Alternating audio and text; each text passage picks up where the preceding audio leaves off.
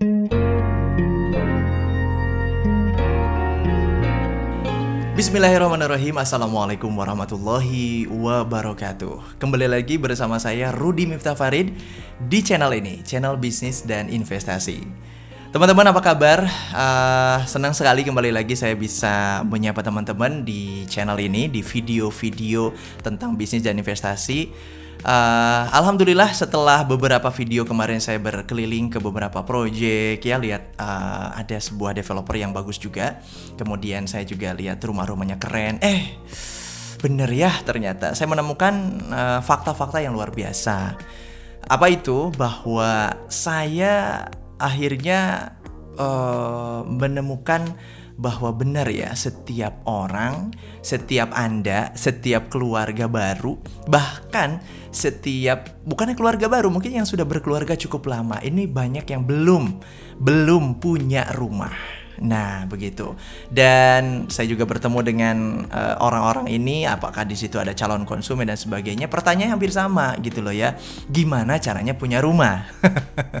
ini pertanyaan yang ambigu sebenarnya. Punya rumah dengan cara pandang sekarang punya rumah ini seperti apa? Ini kan harus dikelirkan dulu, ya.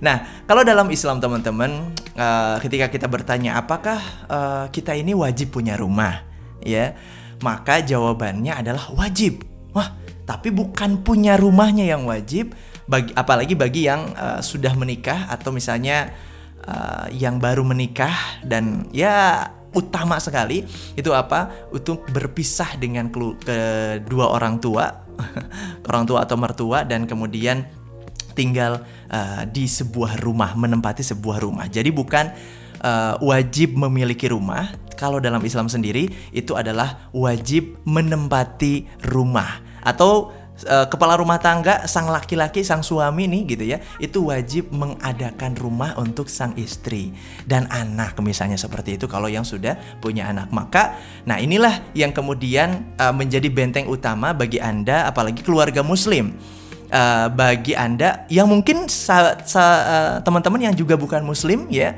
ini menjadi benteng juga. Karena kenapa? Ada sebuah mindset saat ini yang sangat berbahaya. Mindset ini akan menjebak anda kepada sebuah hal yang anda tidak inginkan ya apa itu? Ini adalah jebakan hutang. Yang jebakan hutang ini berimbas kepada performance anda dalam kehidupan masa depan anda juga bisa terganggu dan sebagainya. Oh mindset apa sih atau fakta apa sih? Ini teman-teman. Di tahun uh, 1985-an ya Uh, saya juga di situ apakah sudah lahir atau belum ya?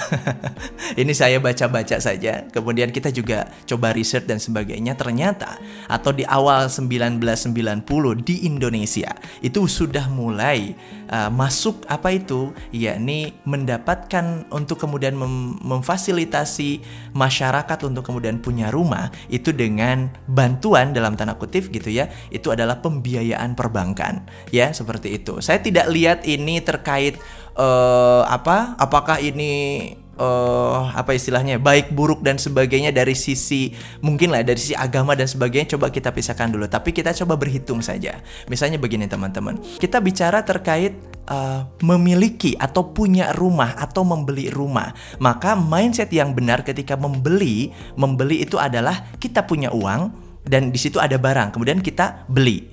Nah itu mindset utama terkait membeli Lalu kemudian dengan adanya tadi uh, perbankan, adanya kemudian uh, lembaga finance lah ya yang bisa jadi bukan perbankan gitu ya, ada lembaga finance yang itu masuk dengan masif gitu kan. Kemudian seperti seperti mempermudah kita membeli uh, mendapatkan rumah atau membeli rumah. Pada faktanya tidak merubah kondisi kita sedikit pun kalau memang kita tidak punya dana sebenarnya untuk membeli rumah tersebut. Sekali lagi, mindset membeli rumah adalah kita punya uang, kemudian ada rumah, kita beli. Harga rumah 200 juta, kita beli dengan harga 200 juta. Itu namanya membeli. Itu mindset dasar dulu.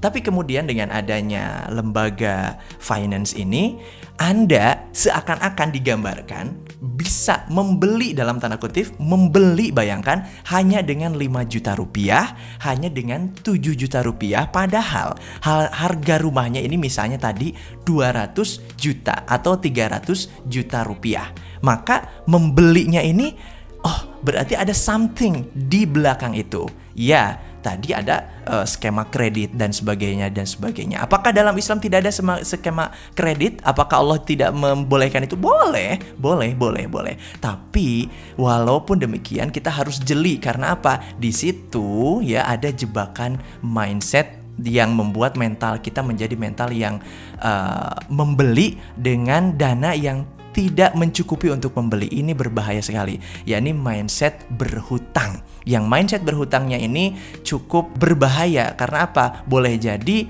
kita seperti membeli sesuatu padahal uh, faktanya ada sita disita gitu ya. Akhirnya tidak sam tidak sampai kemudian kita bisa mendapatkan rumah. Maka teman-teman poinnya di sini adalah teman-teman pastikan ketika punya satu mindset membeli adalah kita punya rumah eh, sorry kita punya uang kemudian ada barang kemudian kita beli barang tersebut. Itu yang pertama.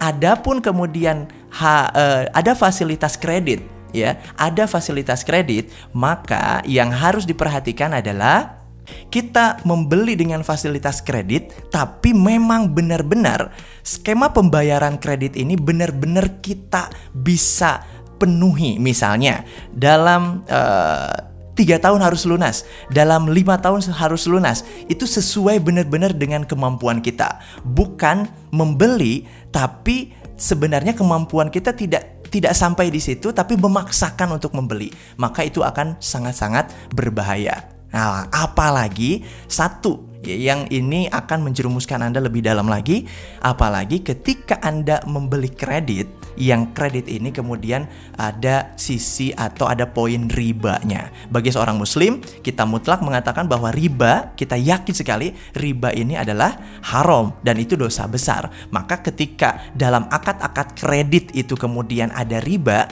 contoh riba itu adalah ada denda ketika keterlambatan pembayaran kredit bulanan misalnya, kemudian ada sita, berarti di situ itu uh, yang mutlak sih sebenarnya ada ada dendanya ya. Kemudian biasanya selain ada denda itu ada uh, ada uh, sita juga yang itu kemudian menyalahi akad dalam Islam dan sebagainya. Karena apa? Sita ini ciri bahwa Anda sebenarnya tidak benar membeli tidak benar-benar membeli rumah, tapi sewa atau uh, meminjam atau berarti dalam akad itu ada dua akad dalam sebuah transaksi yang itu juga sama tidak diperbolehkan dalam Islam. Maka teman-teman sekali lagi sangat uh, saya mau berpesan sekali lagi untuk teman-teman agar apa? Agar lebih jeli lagi untuk bisa mengendalikan mindset kita terkait membeli. Membeli adalah kita punya uang ada barang uang kita cukup untuk membeli barang tersebut. Satu. Yang kedua mindset uh, apa namanya kredit ya. Kredit ini kita membeli tapi dipastikan kita memang mampu dalam cicilan tersebut. Jangan terkesan memaksakan. Apalagi menyogok orang surveyornya untuk kemudian kita agar lolos dapat kredit.